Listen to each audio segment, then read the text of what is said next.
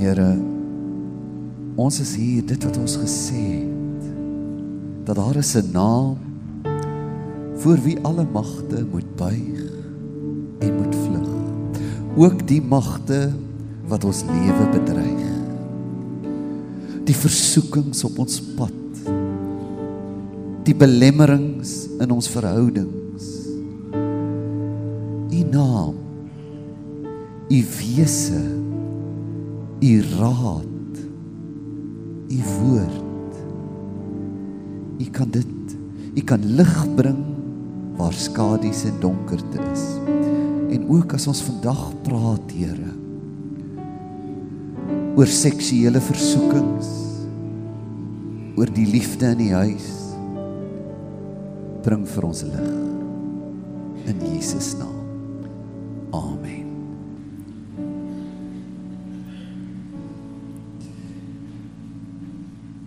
Kom ons lees Jesus se woorde oor seksuele versoekings. Matteus 5 vanaf vers 27. Julle het gehoor dat aan die mense van die ou tyd gesê is: Jy mag nie egbreek nie. Maar ek sê vir julle dat elkeen wat na 'n vrou kyk om haar te begeer, reeds in sy hart met haar egbreek gepleeg het.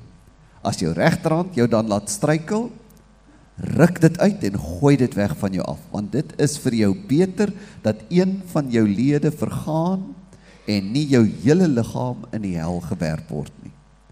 En as jou regterhand jou laat struikel, kap dit af en gooi dit weg van jou af, want dit is vir jou beter dat een van jou lede vergaan en nie jou hele liggaam in die hel gewerp word nie.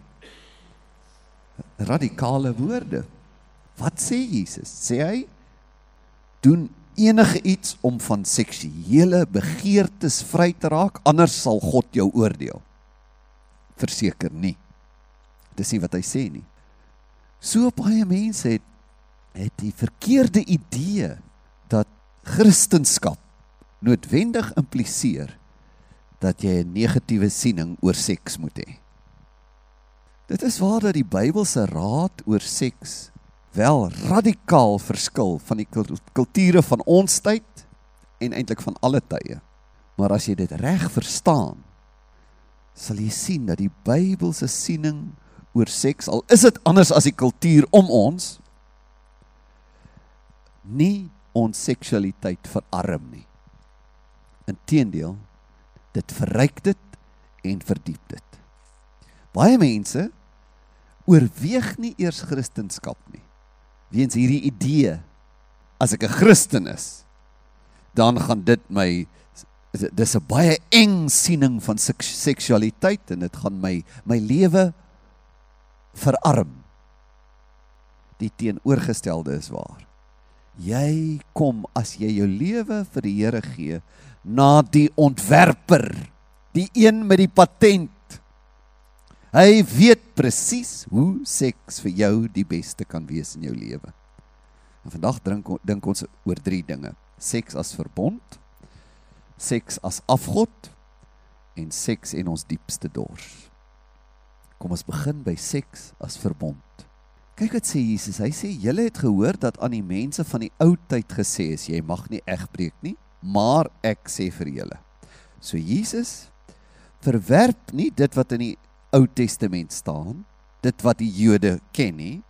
Hy sê julle het dit gehoor, dit bly staan. Maar ek bou daarop.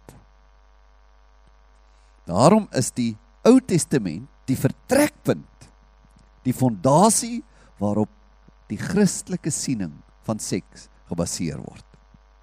En die belangrikste woord in die seks etiek van die Ou Testament is die woord wat ons gebruik het toe ons hierdie kindertjies toegewy het.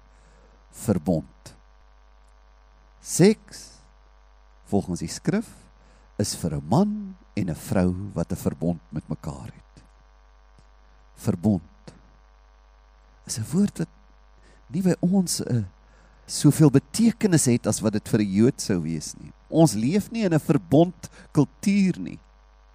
Dis nie deel van hoe ons dink nie. Ons het nie 'n verbondsdenkwyse nie. Verbond skep iets. Dit skep 'n diep en intieme verhouding. Dis meer as 'n bloot wetlike ooreenkoms, maar dit sluit die wetlike in. Tog is dit ook meer bindend en permanent as 'n blote emosionele verhouding. Ons leef nie in 'n verbondskultuur nie, ons leef in 'n verbruikerskultuur wat 'n invloed het op alles wat ons doen, selfs ons kerklewe en selfs ons intieme verhoudinge. 'n Verbruiker kom na 'n handelaar toe, 'n verskaffer. Solank as jy vir my die beste diens gee en die goeie pryse bied, doen ek met jou besigheid. As ek iemand beter vind, sien jy my nie weer nie. As verbruiker kyk ek altyd of ek 'n beter verskaffer kan kry. So is dit met my winkels, my motorwerktuigkundiges, my bank, my kerk en my vrou. As verbuir as ek 'n verbruiker is, verwag ek van die verskaffer om by my behoeftes aan te pas. Maar in 'n verbond sê ek ek pas aan by jou behoeftes.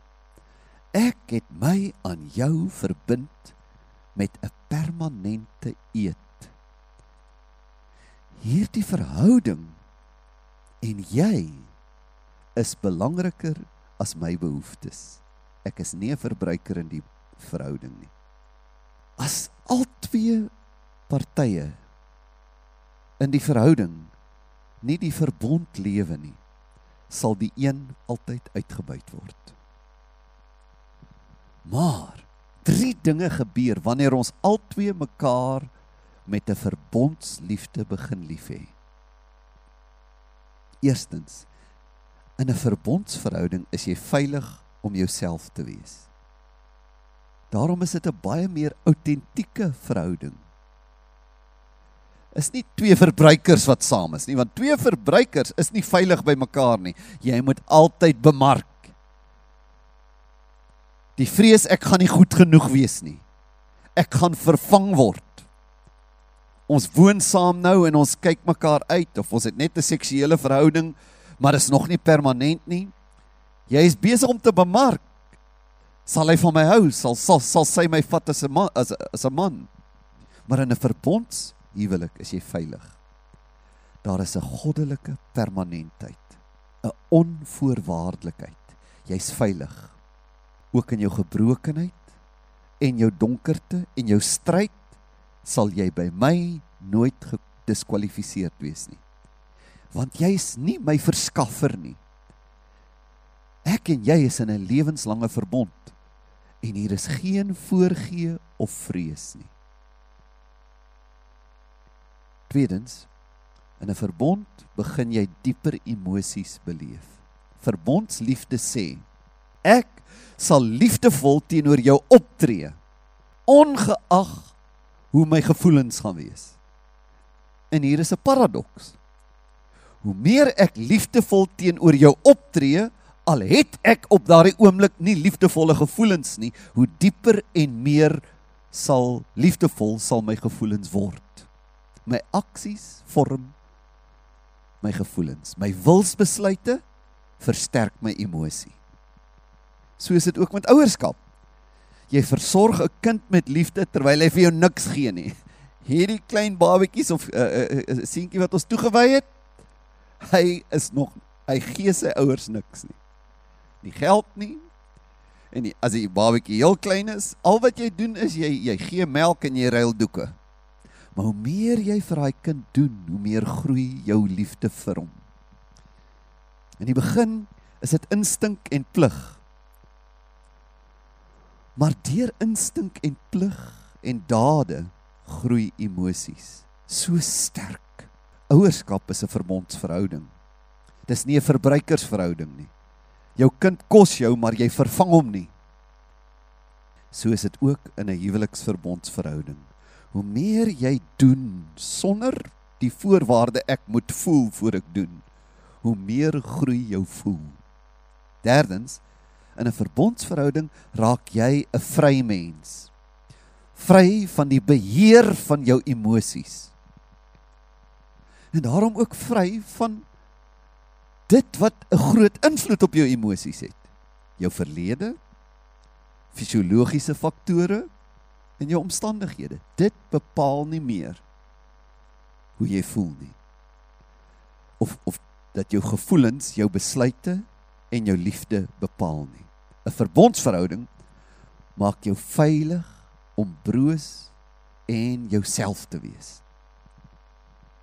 Om dieper emosies te begin ervaar en om vry te wees van die beheer van jou emosies.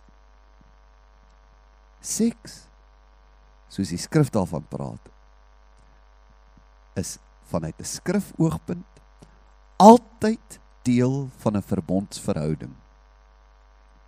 Anders is dit buite die raamwerk van die ontwerper. Seks is nie verbruikersgoedere nie. Ek is in die verhouding omdat ek 'n behoefte het waaraan jy moet voldoen. Dis 'n verbruiker. Seks gee my die ekstase en opwinding waarna ek soek. Dis 'n verbruiker. As ek seks het, is ek minder gefrustreerd. Ek voel beter oor myself. Ek voel 'n meer manlike man en 'n meer bekoorlike vrou. Sonder seks voel ek nie bemind nie. As jy dit vir my gee soos ek dit wil hê, dan bly ons saam. As jy dit nie vir my gee nie en nie so dikwels soos ek dit wil hê nie en nie soos ek dit wil hê nie, dan kry ek 'n ander verskaffer. Maar die verbondsverstaan van seks is anders as die verbruikers verstaan. Die verbondsverstaan van seks is: ek het aan jou 'n lewenslange belofte gemaak. Ek sal jou dien en lief hê. Ek is broos en eg by jou en jy by my. Ons probeer mekaar nie. Ons toets mekaar nie uit nie. Ons is klaar permanent verbind. Ek gee myself vir jou in alles. En dan word seks as dit ware die liggaamlike uitdrukking van iets wat reeds bestaan. Dis nie die toets of iets tot stand moet kom nie. Iets bestaan klaar. Permanensie, diens aan mekaar, 'n verbintenis, aanvaarding van mekaar, toewyding aan mekaar, belofte aan mekaar. Seks is eintlik die sakrament, die teken van iets wat reeds bestaan.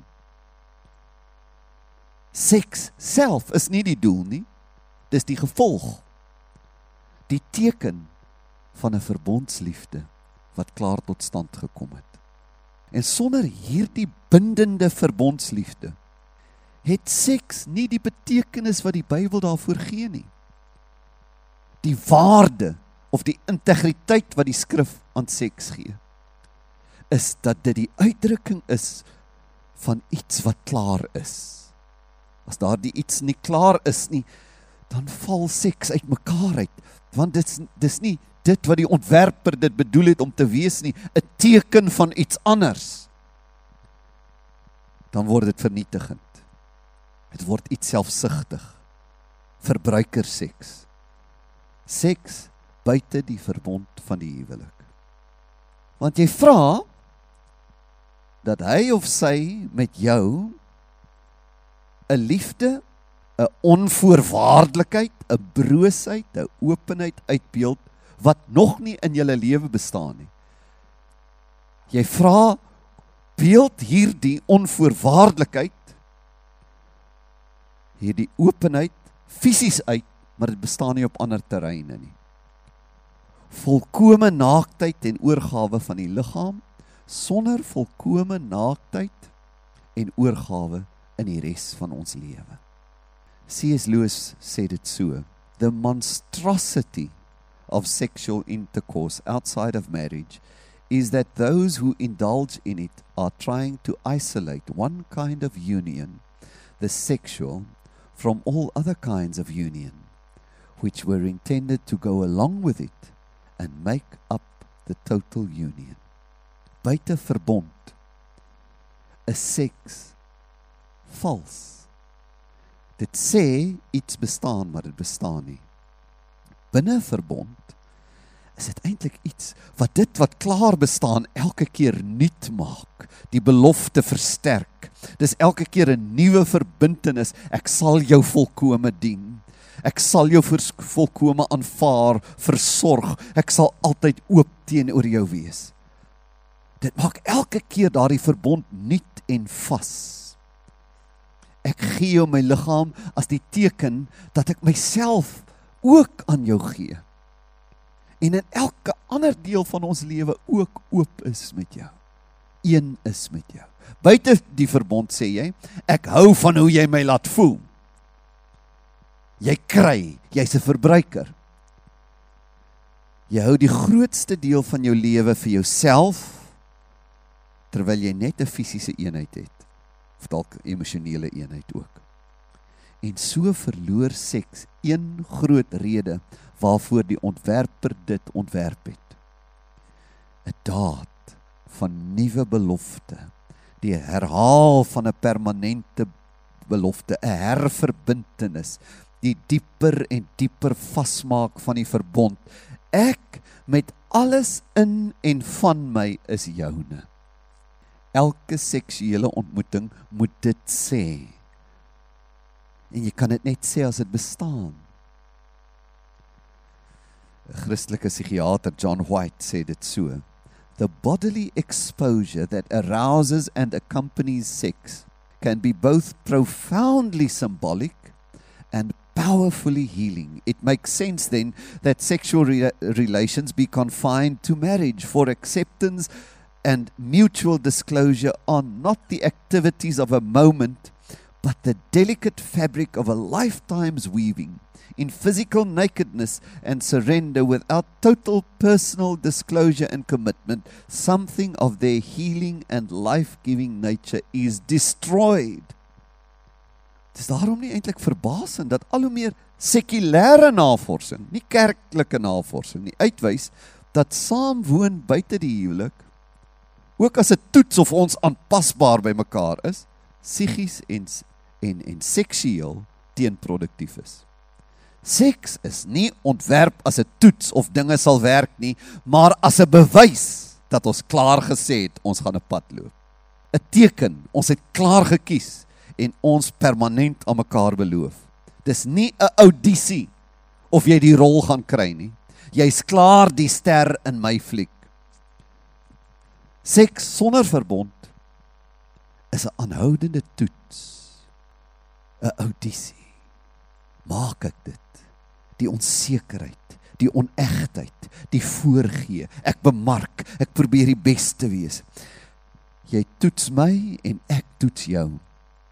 Terwyl ons heimlik ander opsies oophou as hierdie toets nie werk nie. Seks soos die ontwerper van die Bybel dit bedoel het, is die uitvloeisel van 'n verbond nie die voorloper of die toets daarvoor nie. En as jong mense my kom sien wat saamwoon, ek veroordeel hulle nie. My raad aan hulle is julle gelowiges is, het julle mekaar lief, trou onmiddellik. Julle is buite 'n verbond. In 'n kultuur wat ons gebreinspoel het, is dit moeilik om die Bybelse siening te hoor en aanvaar. Elke fliek elke boek skets seks anders as verbondsliefde. In ons kultuur is seks die eerste ding nadat ek jou aantreklik gevind het. Nou ondersoek ons 'n seksuele verhouding. As ek enigstens 'n fladdering van emosie beleef of jou effens aantreklik vind, do you want to come up for a drink? Elke fliek, hulle staan voor die deur Hulle het mekaar nou ontmoet. Dis die derde, miskien die tweede, so meestal die eerste uh ontmoeting. Hulle het in mekaar se oë gekyk. Nou is die besluit. Ons begin nou 'n verhouding. Kom ons toets of dit gaan werk. Do you want to come up to my place? Dis hoe flieks werk. Dis hoe boeke werk. Dis die seks van ons kultuur. Seks in ons kultuur is die begin, die toets. Ons vind mekaar klaar aantreklik ons het 'n aantrekking en 'n emosie teenoor mekaar. Nou het ons seks en dan gaan ons kyk of hierdie verhouding permanent gaan wees. Dit seks sonder integriteit, sonder permanensie. Dit sê daar's 'n ons is oop met mekaar, maar ons ons lewe is nie oop en een nie. Dit sê ons ons liggame is een, maar niks anders van ons is nog een nie. Verbond seks het integriteit. Ek doen nie met my liggaam wat ek nie reeds met die res van my lewe, my hele lewe doen nie. Seks as verbond. Kom ons praat as seks oor seks as afgod. Jesus begin deur te sê, jy het gehoor, jy het gehoor dat seks buite die huwelik verkeerd is. Jy het gehoor, jy mag nie egbreek nie. Maar ek wil met julle praat oor julle gedagtes. Wat begeer julle? Waaroor dink julle? Hoe jy kan egbreek pleeg nie met jou liggaam nie, maar met jou gedagtes. Bedoel Jesus dat seksuele begeerte verkeerd is? Is dit verkeerd om iemand seksueel aantreklik te vind? Dis nie wat hy sê nie. Eerstens, Jesus sê self, hy bou sy idee oor seks op die Ou Testament idee. En die Ou Testament is verseker nie negatief oor seks nie. Dis 'n warm boek. Die Bybel begin met 'n gedig oor 'n man wat 'n kaal vrou sien. wat 'n boek is dit? En dan roep hy uit liries. Been van my gebeente. Ooh, jy kan net ek hou van hierdie lyf. Vlees van my vlees. Dis die soort vel en been wat ek gesoek het. Uh, uh, uh. En dan begin die Ou Testament daaroor skryf. Kyk hierso. Spreuke 5. Ek verwys altyd daarna maar ek lees dit nooit in die kerk nie, maar vanoggend lees ons dit. Vandag gaan ons 'n skandalige ding doen. Ons gaan Bybel lees binne in die kerk. Kan jy dit glo? Wat word van die kerk? Hulle lees al Bybel daar. Spreuke 5 vers 18 tot 19. Mag jou fontein geseënd wees en verheug jou oor die vrou van jou jeug, die lieflike wildsbokkie en aanvallige steenbokkie. Laat haar boesem. Broers en susters, hy sê boesem. Jou altyd vermaak. Mag jy in haar liefde gedurig deur bedwelm wees. Jy sê wat is dit met my man en en boesem? Hy voer 'n Bybelse opdrag uit. Dit moet hom vermaak. Anders is hy ongehoorsaam. Jy kan hom help om gehoorsaam te raak. Sê Jesus seksuele verkeer begeerte is verkeerd? Absoluut nie. Hy sê ek bou my siening oor seks op die Ou Testament en ek het nou net vir die Ou kom ek lees vir jou weer uit die Ou Testament. O, mense, Hooglied 7. Sekerlik die warmste hoofstuk in die Bybel. Ek wil jou nie net verwys soontoe nie. Kom vandag ons praat oor seks, kom ons lees nou wat die Bybel sê. Is dit reg met jou? Kan ons maar die Bybel in die kerk lees? Hoe mooi is u skrede in die o die ou ou vertaling is mooi. Hoe mooi is u skrede in die skoene. O jou skrede. Hy praat van daai hakskeentjies in die kuite. O edele dogter, die golwende lyne van u heupe is soos halssierade 'n werk van kunstenaars hande. U navel kom nou in gevaarlike omgewing. U navel is 'n ronde kom. Laat die gemengde wyn nie ontbreek nie. U liggaam is 'n hoop koring omring deur lelies. U twee borste is soos twee lammers, twee tweelinge van 'n gemsbok en altyd as ek dit lees, soos twee lammers sê ek liewe Heer maak my herder. Hoe mooi en hoe lieflik is u o liefde onder al die genietinge. U hoë gestalte daar lyk soos 'n dadelpalm en u borste soos vrugte trosse. Ek het gedink laat ek op die dadelpalm klim, laat ek sy trosse gryp. Hæ? Come on! En laat u borste tog wees soos trosse van die wingerdstok en die geur van die asem soos die van appels en u verhemelte soos die beste wyn wat vir my beminde saggies na binne gly. Praat van haar verhemelte. Hoe soen hulle mekaar? En oor die lippe vloei van die wat inslaap. Ooh dis sê vir kom ons slaap 'n bietjie in vanaand Ek is my beminde sin en sy begeerte is na my. Kom my beminde, laat ons uitgaan na die veld, laat ons in die dorpe vernag. Laat ons vroeg na die wingerde gaan, laat ons sien of die wingerdstok vroeg vroeg sluip hulle uit daar tussen die wingerde in.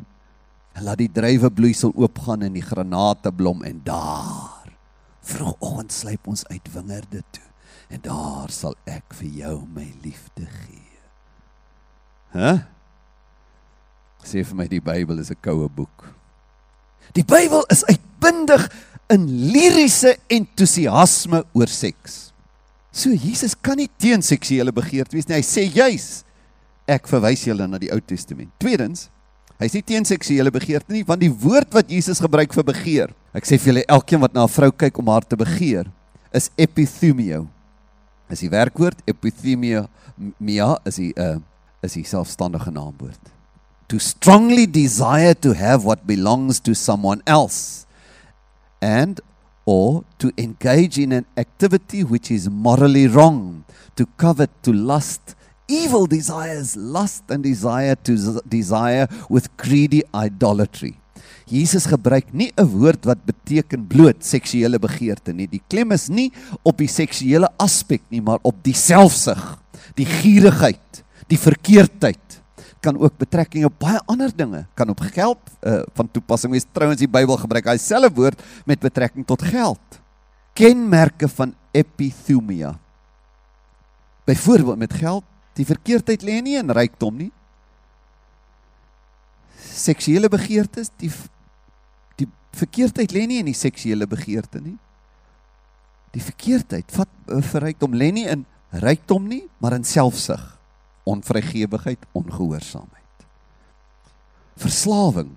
My soek na geld begin my oorheers. Ek gaan kompromieë aan. Ek gee al my tyd daarvoor. Ek lê in die nagte daaroor dink. Ek werk 18, 20 ure 'n dag. Ek verwaarloos my gesin. Ek is verslaaf.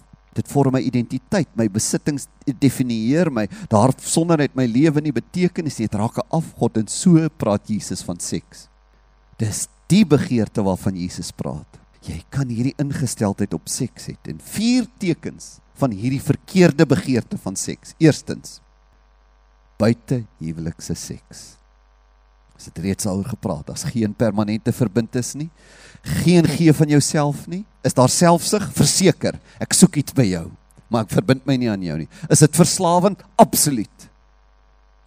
Kry ek my identiteit daarin? Ja, my lewe is leeg sonder seksuele verhoudings. Dis hoekom ek buite huwelikse seks het, want ek soek iets om my lewe vol te maak as 'n afgod. Dit bring ons by seksuele afgoderry. Om seks te verhef tot die een ding waarsonder ek nie kan leef nie. Om van seks te verwag om die soeke, die leemte in my binneste te vul. Jy kan ook binne in die huwelik seksueel afgoderry pleeg. Om te dink Jy moet vir my iets gee, daai diep iets waarna ek soek. Net 'n verhouding met God kan dit vir jou gee. 'n Derde teken van hierdie verkeerde begeerte, onrealistiese romantiese drome, om die illusie te glo dat 'n idilliese, stomende, verruklike romanse so wonderlik as wat dit is, om die illusie te glo dat dit die toppunt van geluk is en daarom die hoogste soeke in my lewe moet wees. Volmaakte seks, volmaakte verhouding, die toppunt van geluk. Dit is nie. Om my leen te glo, as ek dit het, het ek alles. Om te bly soek en soek totdat ek hierdie ding het. Dis 'n onrealistiese romantiese droom. En vierdens, teken van verkeerde begeertes, pornografie. Om heimlik solo seksuele ervarings te hê terwyl pornografie jou fantasie stimuleer. Dis geheel en al. Pornografiese seksuele ervarings is 100% verbruikerseks. Dis 100% aan die ander kant van die spektrum hoe God seks ontwerp het. Selfgefokus. Geen verbond met niemand nie. Geen verhouding. Die teenoorgestelde van waarvoor seks en seksuele begeerte bedoel is dis selfsug. Dis verslawing en uiteindelik is dit jou identiteit. Ek vind my sin in die lewe in seksuele genot. My dae, my beplanning draai om al hierdie geheime aktiwiteite. Baie bekende navorsers wys een van die mites uit wat mense glo oor seks wat wat empiries verkeerd bewys is naamlik dat pornografie is privaat en meestal onskadelik. Dis bloot nie die waarheid nie, dis wetenskaplik verkeerd bewys. Dis nie 'n morele stelling wat ek maak nie, dis 'n wetenskaplike stelling. Pornografie is nooit privaat nie en is nooit onskadelik nie. Die waarheid is, pornografie is verslawend en affekteer elke ander verhouding in jou lewe. Dit affekteer nie net jouself nie, maar elke mens met wie jy te doen het. Regner is in Euker se se navorsing bevind. Mense wat pornografie gebruik, se seksualiteit word beskadig deurdat hulle onrealistiese verwagtinge opbou oor fisiese voorkoms en seksuele ekstase.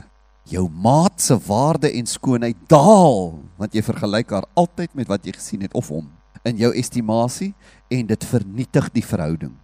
Manlike pornografiese gebruikers se vermoë om verhoudingsuitdagings te hanteer of daarvoor kans te sien word dramaties verlaag. Hulle sien nie kans vir die gewoonheid die sy alledaagse pligte en probleme nie. 'n Baie lae persentasie mans wat pornografie gebruik, bly getroud of trou ooit. Vrouens van mans wat pornografie gebruik, word onder druk geplaas om hulle voorkoms en seksuele gedrag te verander om aan te pas by dit waarvoor waaraan mans blootgestel word in pornografiese materiaal. Dis wat die navorsing sê. Jesus raad is: veg seksuele afgoderry, oordrewe seksuele begeerte van 'n selfsugtige aard met alles wat in jou is. Vermink jouself eerder as om toe te laat dat verkeerde seksuele begeertes jou lewe laat ontspoor. Dit kan jou vernietig en vir ewig vernietig, sê Jesus. En as jy vandag hier sit en dink ag wel, dis maar menslik, dit is seker alle mense wat dit doen. Ek sê vir jou, ek doen dit nie. En hier sit baie mense wat dit nie doen nie en ons is nie selfgeregverdig daaroor nie. Ons glo net iets anders. Dit gaan jou vernietig. Die paar keer in my lewe wat ek aan sulke goed blootgestel is, het vir my gevoel alles in my lewe word op daai oomblik ontwrig jy kan die televisie afsit. Jy hoef nie op daai rekenaar te kyk nie. Jy hoef nie sulke goed op jou selfoon te hê nie. Dit gaan jou, jou huwelik, jou kinders, jou lewe vernietig. Jesus sê, sny jou hand eerder af. Pluk jou oë uit. Jy weet nie waarmee jy besig is nie. Jy's besig om jouself dood te maak. Kom ons eindig. Seks in ons diepste diepste dors. Jesus sê nie net hou op met verkeerde begeertes nie. Doen dit of jy sal die gevolge dra nie. Asof jy dit uit jou eie krag moet doen nie. En wat hy sê is daar hoop en 'n uitnodiging. Hy hy praat van sny jou hande af. Dit is beter om sonder hande en vermink die ewigheid in te gaan as in die hel te beland. Hy praat van die hel. Daar's verskeie woorde in die Bybel vir hel. Jesus gebruik die woord Gehenna Dis 'n beeld van hoe hel moet wees. Want daar was werklik 'n plek buite Jerusalem met die naam Gehenna waar die afval van die stad verbrand is. Die beeld wat Jesus hier skep, is dit. Soos die afval aanhoudend in die vuur gegooi moet word en verbrand moet word en die vuur as hy 'n vuur wil bly, aanhoudend hierdie brandstof nodig het. So is dit om van God verwyder te wees. Is soos om met 'n diep dors te leef wat nooit bevredig word nie. 'n Vuur wat aanhoudend nuwe afval nodig het. Onvervulde begeertes, 'n diep verlange wat nooit stil gemaak kan word nie. Dis hoe dit is om sonder God te wees. En as jy enige iets in die plek daarvan sit, is dit vernietigend. En wat Jesus sê is dat seks buite 'n verbond, seks buite die huwelik, gee vir jou die belofte dat dit die leemte in jou lewe sal vul, maar die belofte is vals. Dit gaan jou dors nie les nie maar dit gaan 'n onlesbare dors in jou wakker maak, onversadigbare drange wat jou gaan begin beheer.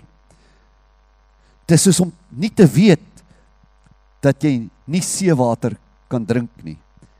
En nou in jou verskriklike dors spring jy in 'n diep oseaan. Oral om jou is water, maar die water lieg, jy word net al hoe dorser. Die water gaan jou vernietig. Jy het gedink dit gaan jou dors les. Ons het 'n ewige dors. In Efesiërs 5 sê Jesus dat die verbondsliefde tussen 'n man en vrou, so wonderlik as wat dit kan wees, is maar net 'n afskynsel. 'n Voorafskaduwing van wat kom die dag as jy die een gaan sien wat werklik jou diepste dors kan les.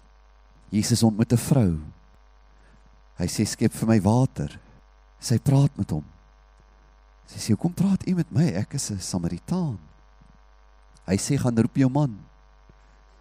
Sy sê ek het nie 'n man nie. Hy sê ja, jy's reg. Jy het reeds 5 mans gehad en die een by wie jy nou bly is nie jou man nie. Sê vir hy sê vir Mauri. Ek het ek het water wat die dors in jou kan les. Daar's 'n dors in jou. Dit gaan nooit geles word nie. Jy gaan van man na man. Jy laat 'n dors jou beheer. Jy dink jy gaan dit kry in hierdie seksuele ervarings met mans. Jy gaan nie. Kom na my toe. Daardie dors wat jy probeer les met seksuele ervarings kan net ek les. Jy leef met welis. Dit gaan jou vernietig sê vir haar. Om jy af te sluit, miskien sê jy ek is getroud. Ek hou my nie op met pornografie nie. Ek het nie 'n buitehuwelikse seksuele verhouding nie. So dit was 'n interessante boodskap. Miskien kan ek vir iemand anders help. Hierdie woorde van Jesus is nie vandag op my van toepassing nie, maar dit kan wees. Selfs in die huwelik kan jy seksuele afgoderry pleeg as jou huweliksgeluk of seksuele ervarings of seksuele vervulling in die huwelik jou primêre voorwaarde vir geluk is, lewensgeluk, dan het jy afgod. Dan is seks jou vrou, jou man, jou afgod. Trouwens, enige iets waarna jy kyk vir geluk, jou gesin, jou inkomste, besittings, pret, avontuur, roem, sukses, alles sê Jesus eintlik is soos Gehenna hoe meer dit jou tyd en denke en drome beset, hoe meer sal dit van jou vereis. Dit vra net meer vullis.